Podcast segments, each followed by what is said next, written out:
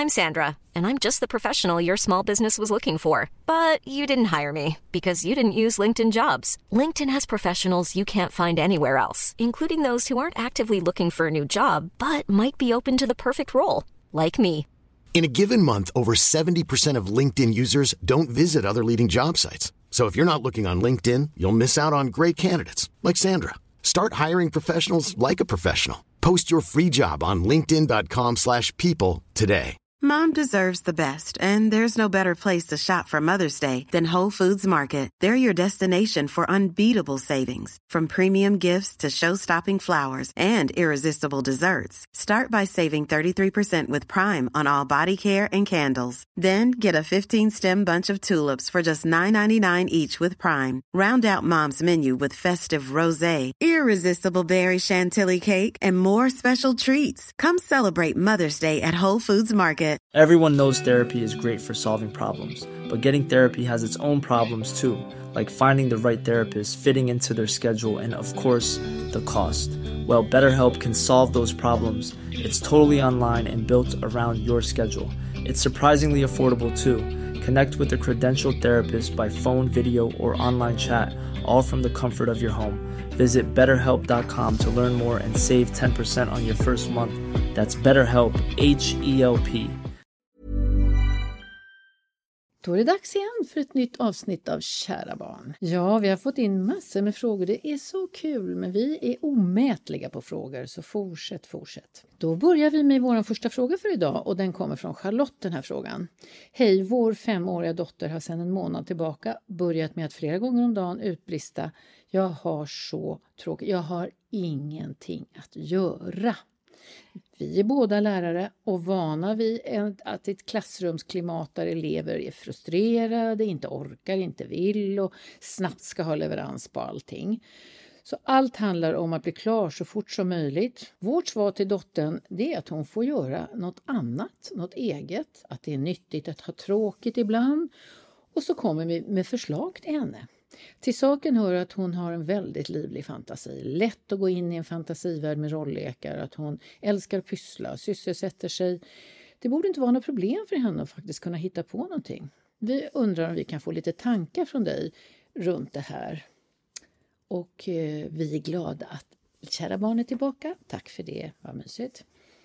Ja, mina tankar blir att, eh, att hon är en klassiker för sin ålder skulle jag säga. Mm. Hon har en, femåringarna har ju en underbar plattform för det mesta av att de har nu erövrat alla hemligheter i hela livet. Och är väldigt säkra på sig själva. Och kan vara lite bossiga hemma och sådär för de vet var petflaskorna ska stå och hur rim och ramsor låter och sådär.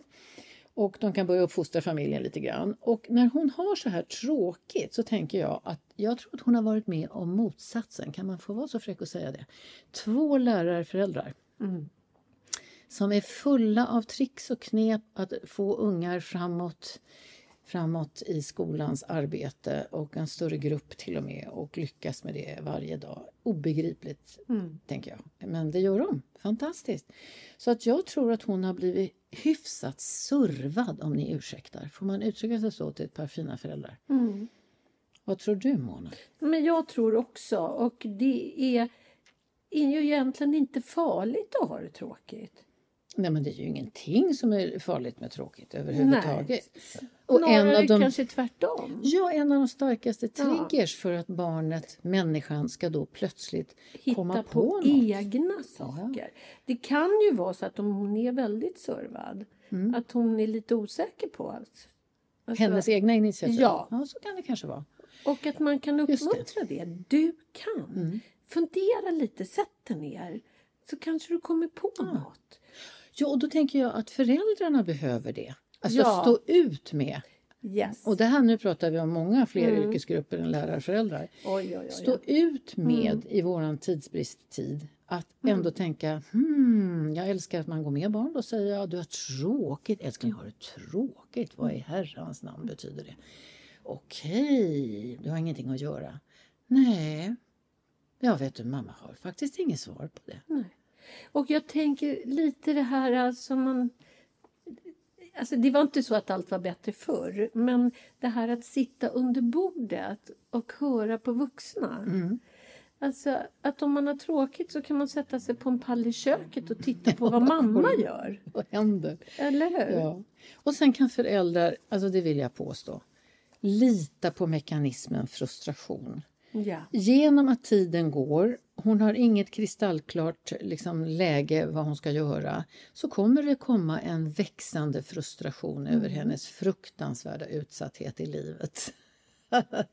och då kommer det limbiska systemet att skicka iväg Precis. en idé, en Och jag tänker att det finns inte en unge som skulle lära sig att gå om de inte var superfrustrerade att de inte kom framåt. Ja.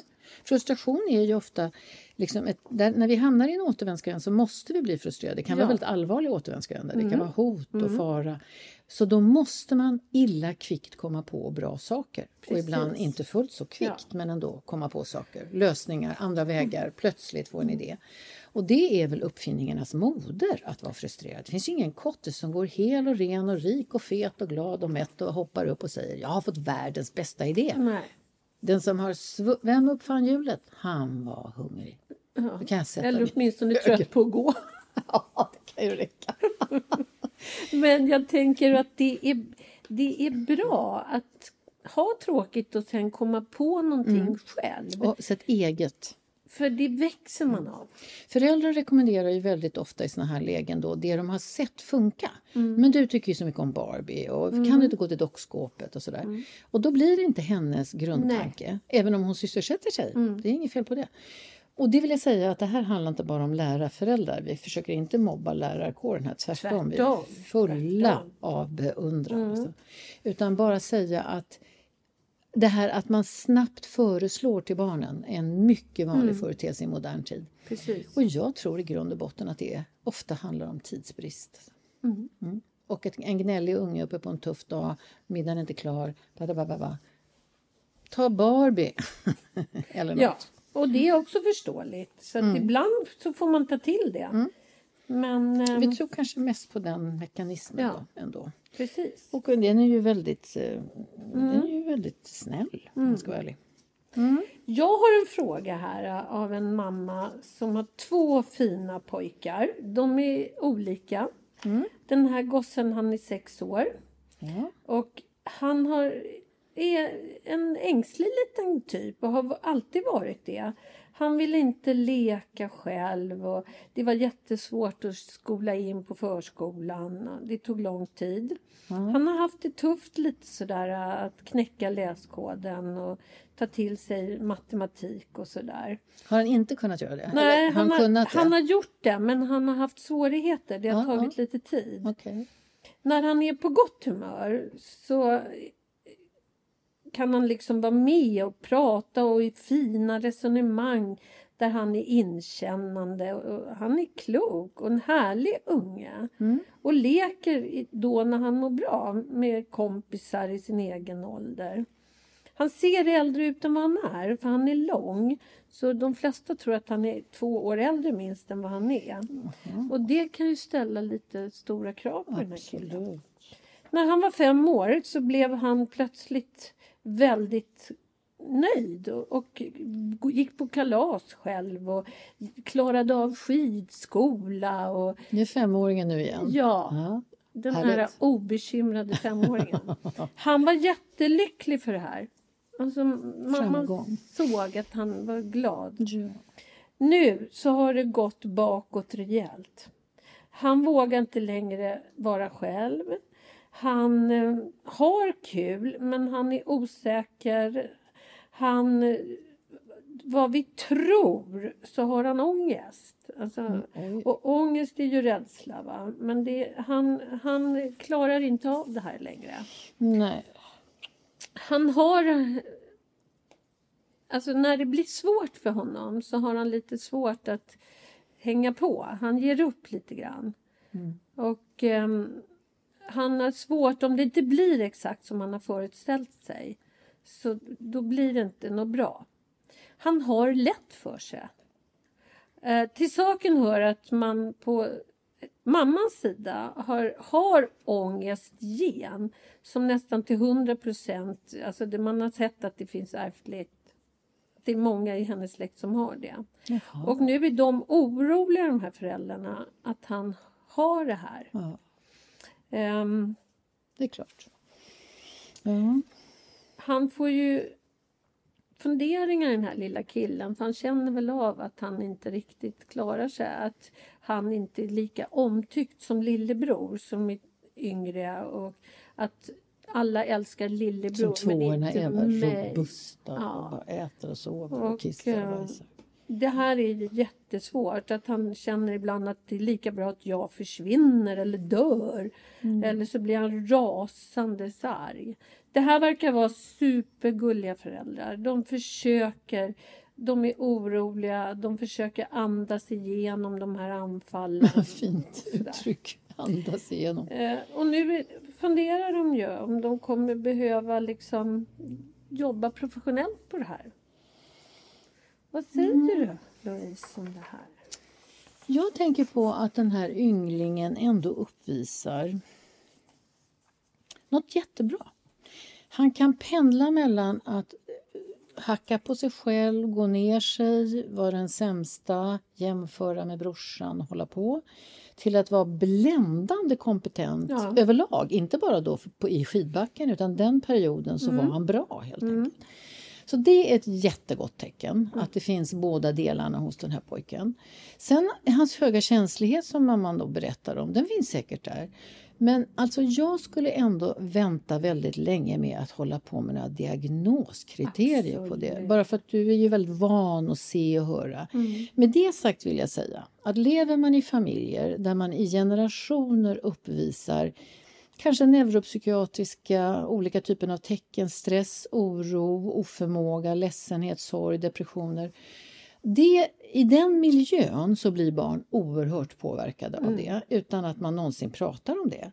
Men för att man ska debutera i någonting som ens skulle kunna höra hemma i några diagnoser så behöver man komma längre upp i ålder. Och så behöver man liksom ha en verklighet och vardag där man snubblar på sin tillvaro hela tiden. Jag tycker mer att han följer sin utvecklingspsykologiska position. Femåringen sa vi alldeles nyss för förra Robust, frågan. Ja. lycklig. Nu vet man hur en Ja. slipsten ska dras och man har Eller lärt sig språket och man glänser och man kan spela Fia med knuff och vinna över någon gammal morfar eller något sånt där. Mm. De är oslagbara. Och då har vi den här killen sex år. Och då vet vi om sexåringarna generellt, kom ihåg det nu mammor och pappor, det är en generell period efter den här harmoniska, oftast lugna femårsperioden så kommer en otroligt rörlig och utagerande ofta upplevelse i sexåringen. Sexåringen kan vara, alltså de kan vara så arroganta, iskalla, ja lilla Nästan mobbare. Precis. Jag kan minsann också det här ska du veta. Till att inom loppet av två minuter raseras ner i sin struktur till en ettåring som är så förkrossad, ledsen och ingen älskar mig, alla älskar alla andra och jag ska och ni älskar och bryr, ingen bryr sig. Och så är det bara som en liten våt fläck till bebis och som vuxen hänger man inte med i det där tempot. Alltså. Man gör verkligen inte Nej. det. Och precis när man då tar till sig, blir förskräckt, är han deprimerad, ska vi söka läkare, vad ska vi göra? Så tittar de upp och säger, kan inte vi gå på bio du och jag? Med den här växlingstakten. Och så snabbt ja. Helt Ja. bisarrt. Men jag tänker också att det är en belastning att se två år äldre ut. Va? För Precis. att jag tänker ibland att osäkerhet handlar om att man inte vet vad som förväntas av en. Det är ett stort inslag. Och om man då har fått vibbar om att Mm. man ska förväntas något man inte klarar av. Funkar ju jättebra med femåringen då, att han är bättre än alla andra. Det är inga snabbare, problem. Liksom. För att de behöver inte göra det för de är ju ändå bäst. Precis. Men nu är det upp till bevis. Just det. Och då kan man backa. Mm. För att han vet inte. Nej, och sen... Jag tänker att det går inte för dig mamma att vara oanfäktad, alltså inte höra till i en familj där man har fokuserat på, diagnostiserat till och med kanske, eller i alla fall bestämt sig för att i våran familj så det är det så här. Mm. Här har vi ångest, här är vi sköra, här har vi ditten och datten. Mm. Och det blir en sån, det är som i cement Mm. hur de här familjebesluten runt olika tillstånd. Mm. Ja, men har hon också det? Ja, men det är ju inte så konstigt för i vår familj. Och alla, alltså ångest är ju egentligen kroppens sätt att säga jag är rädd. Och Känn det, du måste känna Ja. det. Mm. För det kan ju vara liv, livsavgörande i vissa fall. ja, har man inte förmåga till det då, då var ju, Men jag menar det är ju inget sjukdomstillstånd. Nej, det är det inte. Men med det sagt också så vill jag säga att det är faktiskt en hel del tillstånd som är tillräckligt handikappande för människor för att inte vara Absolut. riktigt normalt. Däremot så tänker jag inte att jag skulle känna den oron den här, runt den här Nej. pojken. Oavsett vad som kan hända i tonåren när hjärnans centrala delar slutmognar och blir väldigt aktiverade. Och finns det någonting som kan bäras vidare i personligheten av oro, lite mer ångest än andra, lite mer oro än andra, så, så kommer det i sådana fall att visa sig då. Men nu har han, bara i det här korta texten ändå, så har det presenterats väldigt normala beteenden. Så om du kan och har fått prata igenom för din egen del mamma, hur sant är det här i min släkt egentligen? Vad är det vi har egentligen? Har jag drabbats egentligen? Kan jag ta reda på lite mer om mig så att jag inte outforskat för vidare i mina tankar handlingar som är knutna till så här är vi. Sen tänker jag att om man är sex år och Mm. inte känner sig trygg att gå på kalas utan att mamma eller pappa är med så kan man väl vara med? Ja, jag älskar ju det där uttrycket. Du vill inte gå på kalas själv älskling? Nej, det verkar inte som du vill det faktiskt. Hur vill du ha det? Men när man är sex år kan man säga, hur vill du ha det? Ja. Man behöver inte säga, i sådana fall gör Nej. vi det och det och det och det. Hur vill du att vi löser ha det här? Ja, ska vi sitta utanför i bilen? Ja. Man kan börja. Och då kan man ju också säga när du känner att det är okej Precis. att vi kanske tar en promenad. Då säger du till oss. Mycket bra. Mer ansvar på honom Ja. i huret. Ja. Så kan vi ändå vara med och sätta ramen Precis. för det lugnaste. Ja, så tänker vi. Ja. Ja. Är det jag nu som ska ta en liten fråga? Hur mycket brukar bebisar skrika? Punkt och frågetecken. Hur mycket? Man kan säga så här att om man tänker på att din bebis är ganska avancerad när den kommer ut i världen, tänker, så brukar jag tänka. Herregud vad de ändå kan när de Vilka kommer. resurser. Det finns ingen blank människa där inne utan de har massor med erfarenheter av ljud och ljus och beröring och Känner skrik igen och, röster. Ja, massor av saker. Har aldrig varit hungrig till exempel. Bara det. 42 veckor, aldrig hungrig. Undrar på att de Snacka om skriker. vilken chock det blir. Alltså. De skriker barn, spädbarn, generellt, helt normalt, när de inte har sina primära behov tillfredsställda. Precis. De behöver vara hållna, de behöver vara trygga. Det betyder att vara hållen. De behöver vara i normala temperaturer. De behöver tillföras vätska. De behöver tillföras mat helt enkelt, för det är vätska bara från början. Och de behöver eh, få kontakt med sina föräldrar de, och syskon. De behöver få ett ansikte som kommer ganska nära in på dem och med snälla bebisrösten som oftast går upp en oktav och så pratar vi lite så här. Och så säger man snälla saker och ler och visar miner i ansiktet. Bebisen är, fast de har världens smalaste blick, i, alltså en väldigt litet fält, så är de beredda att börja härma direkt. Ja, det är fantastiskt. Och det är så alla barn lär sig. Vi är fulla av genetik, reflexer, instinkter. Men någon måste visa hur. Och så visar man dem det ett helt liv. 26,5 år om ni ursäktar. Tar det innan hjärnan är färdig. Då är de fullt laddade och rustade. Men barn kan få otroligt snabba reflexer till skrik av rädsla. Det flyger förbi en solkatt på väggen. Jag vet inte vad det är. Då skriker jag. Om jag inte förstår, då skriker jag. Ja, det är ju enda sättet de har att kommunicera på. Jajamensan. Jag kan ha fått ett myggbett. Min mamma hittar inte det förrän klockan tio på kvällen på mig. Men jag tyckte det var fruktansvärt att jag skulle uppleva det. Så skriken är ett larm. Och sen kommer skriken, redan på det här stadiet, första månader och veckor, så kommer gurgel och lite lite så. Mm. Eh, Då kommer egentligen samtalet. Ja. De kan ha en skillnad på skriket som signal, kom till mig, var med mig direkt. Men Bråttom, Ja. inte så bråttom. Det här lär man sig efter ett tag. Ja, gurglet är mer språkligt visar Ja. sig. Att Ja. man är inne på kommunikationen helt enkelt. Det är ofta olika melodier. Ja, verkligen. Mm. Och de kan ändra det också Mm. väldigt fiffigt. Och de hittar egna vägar i det. Och det är kommunikation. Men när det gäller skriket så finns det ingenting hos små barn, spädbarn, flera år som det finns möjlighet att vänta med. Nej. Om, alltså, om barnet håller på att bli överkörd av en bil tycker du att det är hög aktualitet. Men för barnet kan en solkatt på väggen vara det värsta som har hänt hittills när jag är 12 dagar.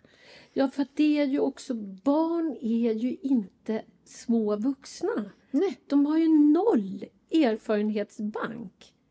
Allting Ja. måste förklaras. och deras superomogna hjärna Ja. Den går in för en enda sak. Skaffa hjälp. Du kan ingenting. Överlev. Snabb.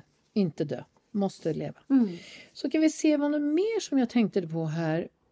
Barn är också ruskigt olika. Mm. Det finns ju många föräldrar som kan berätta om spädbarn och småbarn som i princip aldrig skriker. Mm. De börjar gruffa lite så här och rynka mellan ögonbrynen men då är det någon blixtsnabb förälder som tolkar på två sekunder.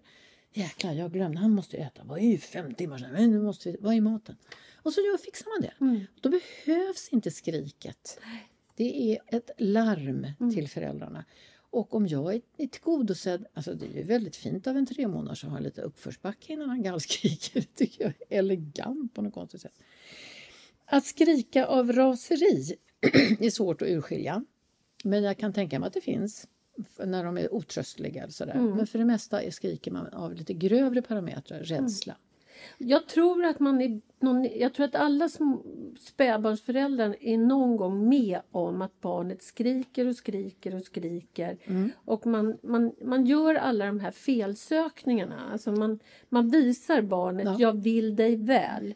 Jag vet inte vad du vill men jag tänker försöka förstå. Och man kollar blöjan och man försöker med mat och vatten och, och upp Och det första man ner ska och- kolla, försöka med?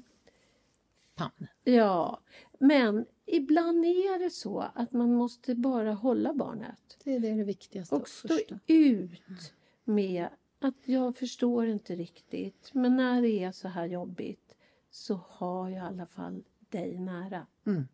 Jag är här. Jag såg på bussen för inte så länge sedan en hon måste ha varit en nybliven mamma som kom ombord och hennes man var med och så ställde de sig vid vagnplatsen fast jag såg att hon var väldigt trött. Alltså. Och så började bebisen skrika. Mm. Och då har väl hon någon jädra uppfostran där i bagaget som säger att det är farligt att hålla en bebis utan säkerhetsbälte. Jag vet inte. Men någonting gjorde att hon inte lyfte. Hon blev mer och mer förtvivlad. Mannen blev mer och mer stressad och Åh, ungen gick hemskt. upp i falsett. Två stationer stod ut. Sen gick jag bara fram och lyfte upp barnet och tryckte in, bak, in, in i hennes kappa. Och sa, du måste det. Du måste. Alltid måste du ta upp henne. Och hon stirrade på mig. Men hon slutade gråta. Mm. Och jag tänker att mamman slutade gråta inuti. Precis. Ja, det var För- inte bara ungen som slutade gråta, det var mamman som slutade Ja, gråta för också. jag tänker att det är så hemskt. Ja. Så tänkte jag, ska jag säga att jag är barnmorska och kan allt? Nej, det ska jag inte säga. Jag är mamma. Mm. Det där är så hemskt att man tänker i olika termer av hämningar Mm. istället för jag känner, jag gör. Och jag tänker att ibland finns den här extremt gamla inställningen att barnet är beräknande. Alltså, Åh, ja. Aha, åh du vilket snällt barn du har som inte skriker. Ja, vad har man då för barn om det skriker? ja. Ja, Ett det, osnällt barn. eller hur? Och det är ju liksom... De har inte hjärnceller till att räkna ut sånt här. Nej, verkligen inte. Verkligen inte. Får jag ge mitt standardråd till föräldrar? Ja. I vissa situationer kan jag säga. Om man har ett barn som man inte begriper vad det är som händer med det barnet, vad barnet gör eller vad jag förväntas göra. Då kan jag tycka att man ska gå till sin halsspegel, det var ett gammalt fenomen förr i världen åtminstone. Och säga, ungen är galen, jag blir tokig. Vad håller jag på med? Vad håller jag på med? Mm. De är nästan uteslutande i låg ålder reflektorer av vad som pågår i ett rum. Mm. två vuxna som håller på att pajlar upp mot ett gräl. Mm. Kan jag gå in här och hälla ut mjölken på bordet så är det avklarat. Ja. Och dra på sig deras ilska istället. Alltså typ sådana situationer. Mm. Man kan aldrig säga så här, det där objektet där borta är bara lite galet för sig självt där borta. Nej. För vi har ingenting med det här att göra. Vad skönt om du var så. Nej men, alltså. Hey, I'm Ryan Reynolds. Recently, I asked Mint Mobile's legal team if big wireless companies are allowed to raise prices due to inflation. They said yes. And then when I asked if raising prices technically violates those onerous two year contracts, they said, What the f are you talking about, you insane Hollywood ass? F- So to recap, we're cutting the price of Mint Unlimited from $30 a month to just $15 a month. Give it a try at mintmobile.com slash switch. $45 upfront for three months plus taxes and fees. Promo rate for new customers for limited time. Unlimited more than 40 gigabytes per month. Slows. Full terms at mintmobile.com. I'm Sandra, and I'm just the professional your small business was looking for. But you didn't hire me because you didn't use LinkedIn jobs. LinkedIn has professionals you can't find anywhere else, including those who aren't actively looking for a new job but might be open to the perfect role, like me. In a given month, over 70% of LinkedIn users don't visit other leading job sites. So if you're not looking on LinkedIn, you'll miss out on great candidates like Sandra. Start hiring professionals like a professional. Post your free job on linkedin.com/people slash people today. Ja, det tycker jag vi har svarat klart. Ja. Jag har en ny fråga här äh, av en annan fantastisk mamma. Och Hon säger så här. Jag har en treårig pojke och han slåss ibland. Han är pigg och glad och mycket verbal. En klok och lugn och eftertanksam och fin kille som också är fin mot sin lillebror. Han, när han blir arg så kan han putta och slå sin lillebror och eh, då säger han också att jag blev så arg. Nästan alltid så kan han efterhand förklara ju varför han gör så här. Hon undrar hur borde vi egentligen bemöta det här? Om han då till exempel vid en tillsägelse säger så här dumma mamma.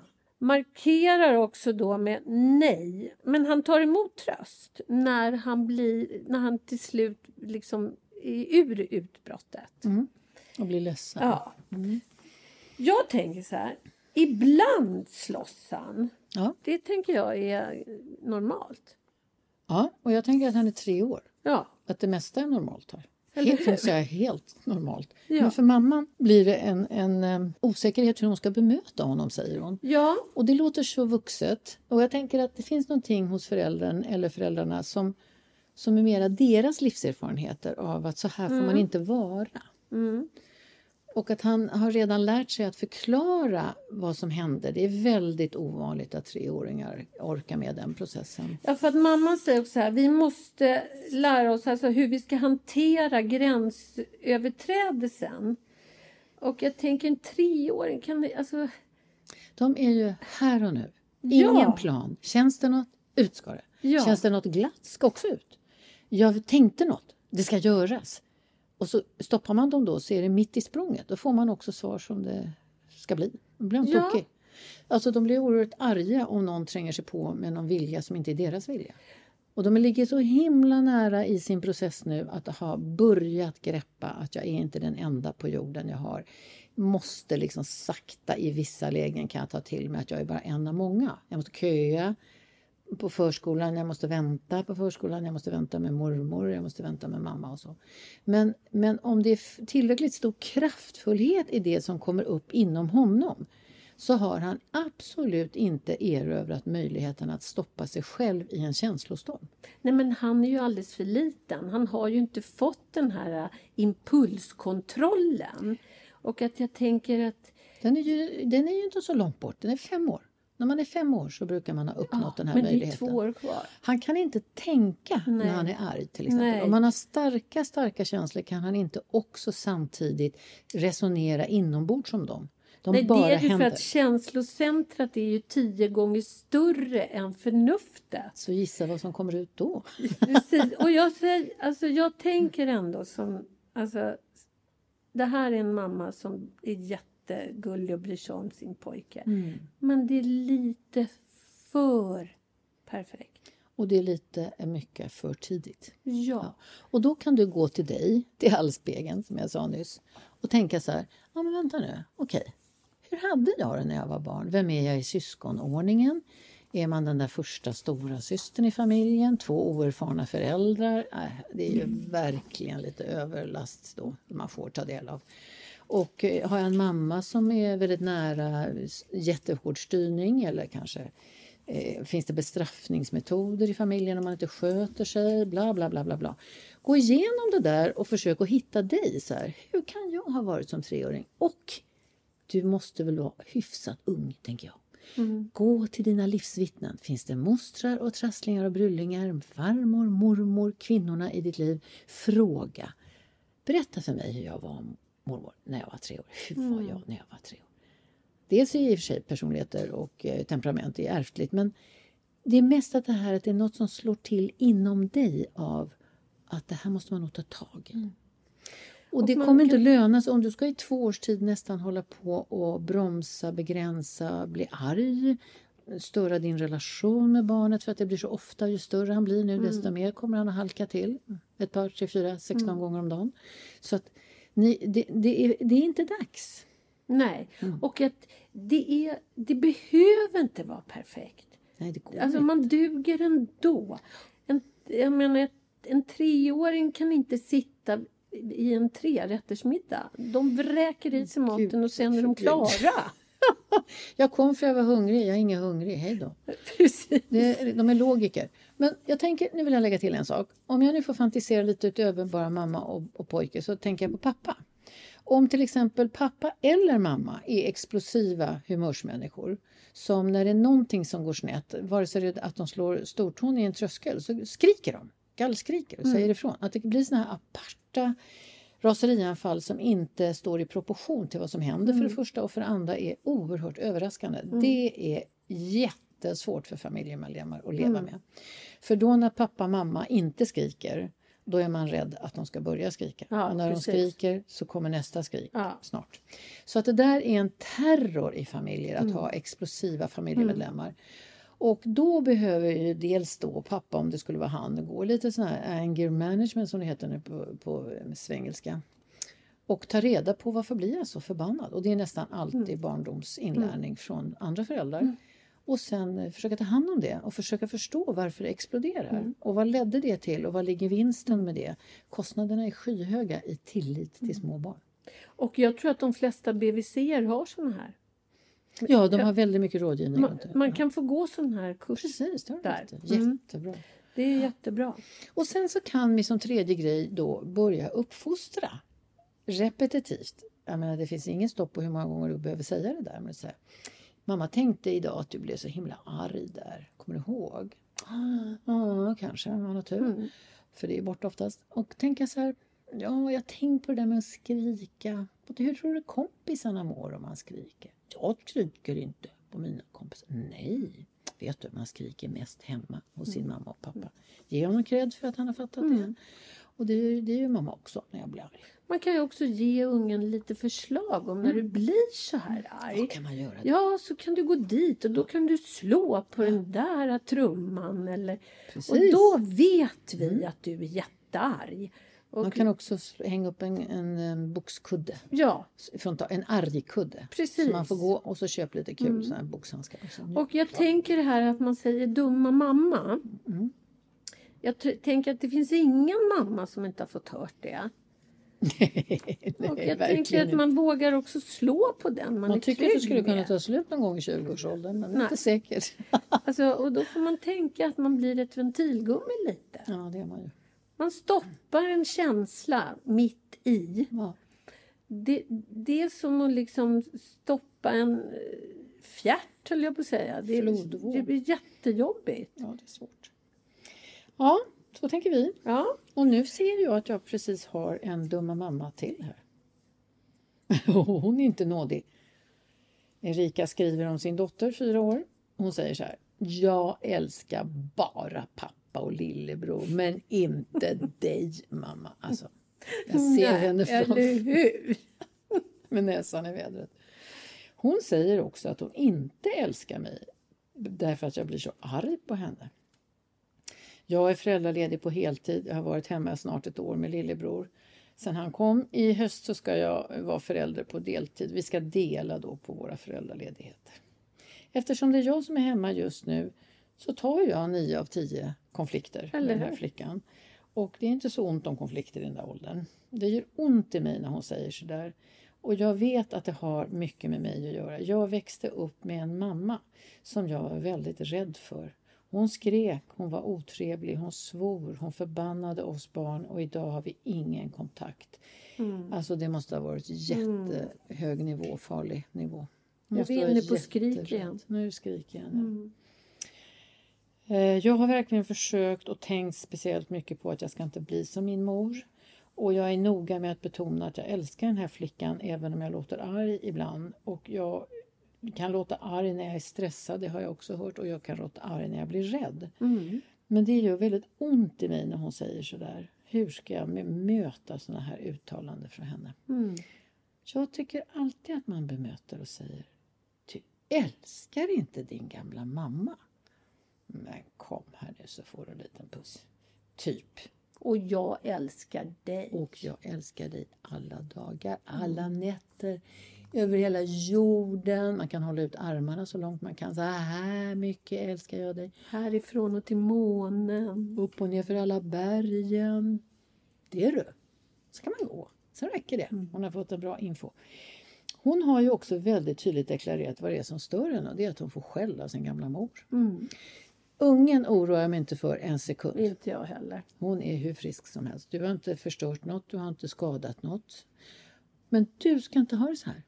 Du ska inte gå omkring i den här ångesten att du liknar din mamma. Du har tagit konsekvenser av din mammas beteende. Du har avslutat relationen. Mycket svårt och bra gjort av dig. Mm. Man kan inte hela tiden bli ett objekt för en vuxen människa som lägger all skit på en unge. Det Nej. går inte. Nej. Och det är så bra gjort. Jag hoppas att syskonen håller ihop i det. Mm. Ni har alldeles rätt. Det räcker inte med kärlek till en gammal mamma. Det räcker inte. De måste uppföra sig. Mm. Och jag tycker att du ska söka hjälp för det här. Jag tycker att du till och med skulle kunna gå till någon som har något som heter, får du ha papper och penna nu? E som är Erik, M som är Martin, D som är David, R som är Rickard. E EMDR är en traumaterapi som är fantastiskt effektiv. Den kan eliminera och gå in i gamla traumatiska minnen av din barndom. Lösa upp trycket inne i minnet. Du har kvar minnet, men det kommer inte att styra dig. Det kommer inte få dig att tänka onda tankar om dig själv. Det kommer inte få dig att liksom göra det vi gör när vi kommer i kontakt med obearbetade saker som har varit traumatiska. Nämligen att vi skyggar för. Det där vill jag inte tänka på, nej dit vill jag inte gå, här tänker jag aldrig gå in, så här kommer jag inte prata med den här kommer jag aldrig prata med. Så. Utan man blir helt befriad från all sån styrningskraft i dåliga minnen. Och då påverkas dina beteenden. Du blir lättare, du blir gladare, du väger lite mindre. Det förtjänar du efter den mammabarndomen. Kosta på dig det. Det är inga långdragna terapier. Och oroa dig inte för din flicka. Nej, den Hon- där du. Henne har du inte smittat ner med någon Och jag ångest. tänker att hon är trygg. Hon är vågar säga sånt här till dig. Älskar inte Nej. Gullevän. Ja. Jättebra, men ilskan kan ju ligga lite för högt då och det är därför hon har sorterat bort ja. Så du kommer komma in igen ska du säga. jag lovar det. Men sök hjälp, riktigt allvarligt råd i det. För din skull. För din skull. Ska vi Absolut. prata lite vetenskap? Nu ska vi ha vetenskap. Hej alla mammor och pappor! Nu, kommer vetenskap! Och då tänker jag att eftersom solen gassar och regnet verkar dröja, tyvärr, så vill jag prata barn och sol. Ja, bra! För det är ju väldigt aktuellt. Och det finns mycket undersökningar. Ja, och det här tror jag att de flesta känner till, men jag vill ändå ta upp det. Bra. Oavsett ålder ska ungar skyddas mot sol. Något bättre än kläder finns väl inte? Nej, kläder är det absolut bästa. Och kom ihåg, 11-12 på dagen ska de inte vara i ute. Då ska de sova middag. Det är inte någon slump att man tar siesta. Nej. För att solen är inte så bra. Olidlig. Vi behöver ju sol för vi får ju vitaminer och solen. Men kläder, hatt och solglasögon. Och gå ut i vattnet med kläder på. Ja, men hatt. Jag har skrivit det med stora bokstäver Okej, faktiskt. okej. För att jag reagerar numera på att man vilken årstid det än är ser små bebisar utan något på huvudet. Gör man det? Och ja, jag tycker att jag gör det. Ja, jag förstår. Och jag tänker att det är viktigt. Man ska ha en liten mössa på nyfödda bebisar oavsett väder. Ja.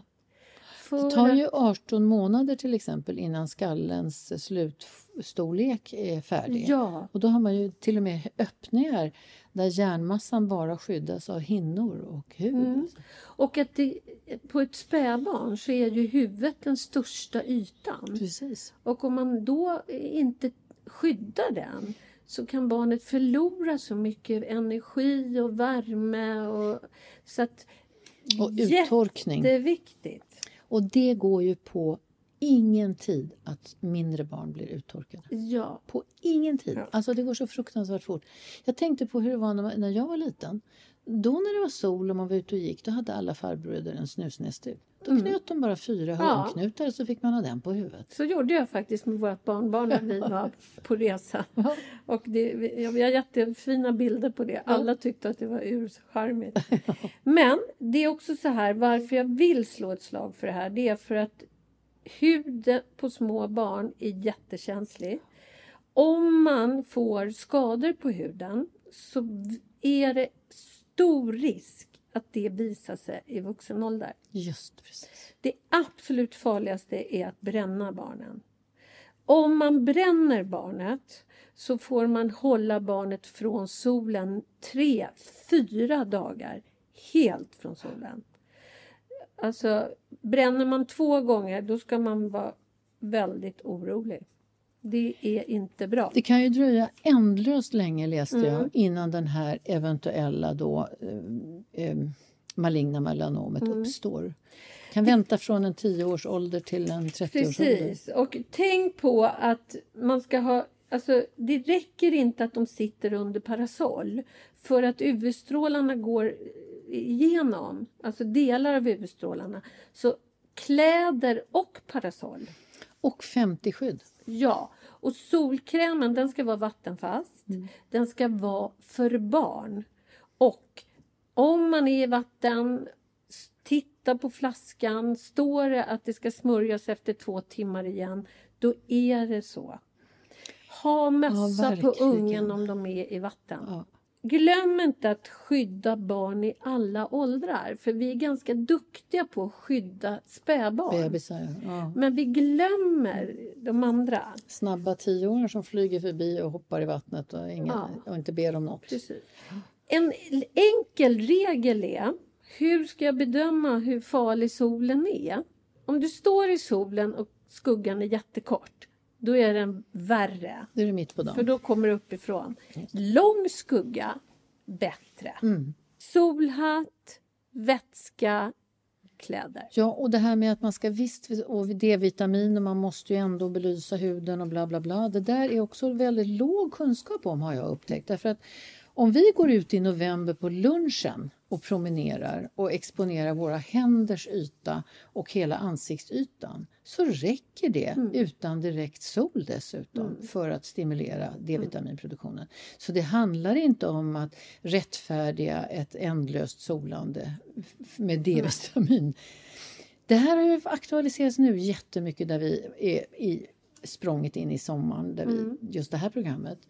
Men det har också kommit upp rapporter från hudläkarna att nu ökar maligna melanom drastiskt. Det finns inte ens till läkartider nog för att ta hand om dem. På grund av solningar som har skett på 50 och 60-talet. Det, är När vi låg på taket. alltså det är för lång leveranstid för att man ska orka ha varit rädd. Men nu kommer det att bli en väldig våg av det där. För sola som en sysselsättning har mänskligheten tidigare aldrig ägnat sig åt. Däremot har man intuitivt hållit sig borta från det så mycket som möjligt. Och det är väl också något ganska modernt fenomen att vi klär av oss nakna. Va? Precis. Alltså, förr hade man sån här Mm. Bonbränna. Alltså man var solbränd. Nedre delen av armarna och nacken. Ja. Bondbränna. Vackert ord. Mm. Vad fint att du tog upp det där tycker jag. Jätteviktigt. Ja. Nu ska vi ta vår sista fråga för idag. Eh, här har vi en flicka som är en dotter till en mamma och pappa som är bekymrade över hennes vikt. Hon är överviktig. Vi vet inte hur vi ska prata om det här. Vi vill inte skapa komplex hos henne men vi vill ge henne sunda vanor. Och det är klart att då forskning och studier visar ju då motsatsen. Eh, Det kan ju förstås inte gälla alla och det gäller säkert inte de här föräldrarna.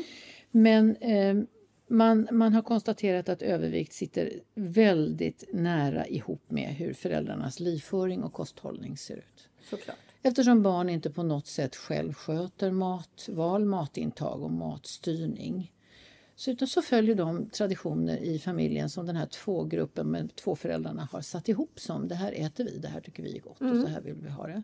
Vilket i sin tur kommer från deras föräldrar som i sin tur kommer från deras föräldrar. Och ju mer stadig inkomst vi får desto mer eh, felaktig mat kan vi ägna oss åt.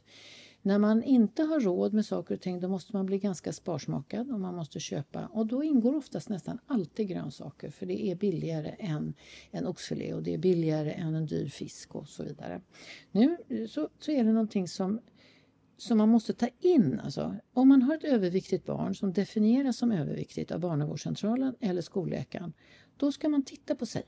Då ska man sätta sig med sin partner vid köksbordet och säga vi vet i huvudsak troligen vad man borde äta. Det är hur lätt som helst att få kostråd. Skolan skickar till dietister, skolmedicinen, skolläkare, skolsköterska. Man kan söka upp sin gamla barnavårdscentral om barnet är kvar där. Man kan direkt få rådgivning av dietister. Man kan få kosthållningsrådgivning. Men vet du vad jag brukar tänka på? Jag brukar tänka så här. När man talar om för diabetiker eller hjärtmänniskor hur de ska äta för att inte riskera någonting i livet så vet man att 90% ändrar aldrig på sin kost. Nej. Man vet att det är farligt att röka också. Ja, ja, där kan man ju se en beroendeform som är mycket starkare. Där finns det ett medel som tvingar mig till det så att säga. Men det andra, då räcker det med ett piller. Ja, men nu har jag tagit det här pillret så det känns bra. Men man gör ju ändå något åt det. Och så fortsätter man bara. Så att det finns ju mycket studier på attityd och psykologi inom matvärlden där man förstår att vanemänniskorna, det är vi allihopa. Men jag tänker så här, gör ingen grej av det. Alltså, Nej, för- så det att- vill de inte heller. Nej, utan mera det här, ni, det här har vi sagt många gånger tror jag Louise. Ja. Ni bestämmer vad som finns i lådorna hemma. Ja. Och om man har ett barn som är lite suget, ja man kan ha morotstärningar, man kan ha liksom, det finns ju, Och det där vet alla. eller hur? Ja. Och man kan byta ut frukt. En av de absolut mest destruktiva delarna i kost det är socker. Ja. Och det tar inte så himla lång tid att vänja sig av med socker. Nej. Det tar fyra veckor men suget ligger på. Och då får man faktiskt abstinens. Man blir kallsvettig på nätterna, man har mardrömmar. En del människor beror ju på vilka höjder de har legat på. Men det rasar på en månad. Sen är suget borta. Man får hålla ut. Ni kan ju titta om ni har flera barn så kan ni se. Är det flera barn här i familjen som ligger lite högt på sin viktkurva? Då är det med nästan största sannolikhet era kostval som styr det. Om det bara är ett barn som har en hög vikt som som skiljer sig, då kan det finnas genetik. Och då får man försöka titta på det. Hur det än är så är det ni föräldrar som behöver nästan alltid ställa om kosten. Och ta bort, vilket är jättesvårt att få råd om, du ska inte. Inte ett sånt där ord som hjärnan bara hoppar över. Inte kan man väl inte bevara? Man kan ju något? också leka fram det. Va? Om man har ett barn som vill ha alldeles för stora portioner Mm. så kan man ju göra fina skålar med grönsaker och så är det okej att äta före maten lite grann. Det gör man, det är ett urgammalt trix. Eller hur? Så att man inte är vrålhungrig. Ett sånt här barn ska ju inte vara vrålhungrigt. Hon ska ju ha säkert fem, sex mål om dagen. Ja, och nyttigt och mindre. Ja. Så kommer hon aldrig in i det där. Nej. Och det är också hela, jag tror hela Mellaneuropa så långt jag vet serverar alltid pyttelite soppa före maten. Ja, För att mätta upp. precis. Och då finns det ingenting som ligger kvar så länge med mättnad och fibrer som kokta grönsaker. Mm. Med gott eh, örtsmak och sånt där. Inte prata med barnet tycker vi. Nej, Inte komma in på mobbingtendenserna. inget fokus på Ingen kropp. fokus på utseende och kropp överhuvudtaget. Så så får man se vad som händer. Sen vill jag ändå säga att i vissa åldrar kommer en del flickor precis innan eh, de debuterar i sin eh, menscykel så kommer det plötsligt ett hull på flickorna som har med starten av Östrogen. östrogenproduktionen att göra. Och det är absolut naturligt och normalt och ska finnas där för det är en del av en mycket större skeende. Och efter att det har satt sig så kommer långsamt, sakta men säkert formerna på kroppen ändras och fettet lägger ner sig. Det är inget man ska åtgärda Nej. överhuvudtaget. Ja Mona, det var dagens skörd. Det var dagens skörd. Det går fort när man har roligt. kan man säga. Jag tycker att människor frågar väldigt eh, adekvata saker. Ja, vilka fina föräldrar. Ja, och tänker och känner och kämpar med att göra rätt. Och, Mm. ja, vi tycker ni är ura bra. kan vi säga. Men nu är det slut för idag. Tack så mycket för alla frågor.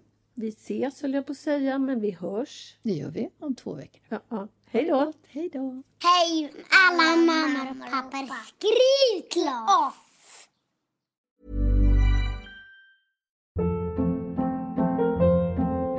Hold up. What was that? Boring. No flavor. That was as bad as those leftovers you ate all week. Kiki Palmer here, and it's time to say hello to something fresh and guilt-free. Hello Fresh. Jazz up dinner with pecan-crusted chicken or garlic butter shrimp scampi. Now that's music to my mouth. Hello Fresh. Let's get this dinner party started. Discover all the delicious possibilities at hellofresh.com.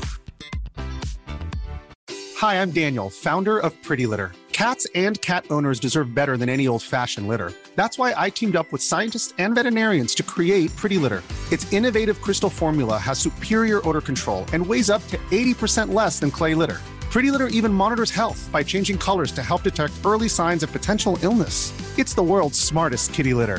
Go to prettylitter.com and use code ACAST for 20% off your first order and a free cat toy. Terms and conditions apply. See site for details. Imagine the softest sheets you've ever felt. Now imagine them getting even softer over time. That's what you'll feel with Bowl and Branch's organic cotton sheets. In a recent customer survey, 96% replied that Bowl and Branch sheets get softer with every wash. Start getting your best night's sleep in these sheets that get softer and softer for years to come. Try their sheets with a 30-night guarantee. Plus, get 15% off your first order at bowlandbranch.com. Code BUTTERY. Exclusions apply. See site for details.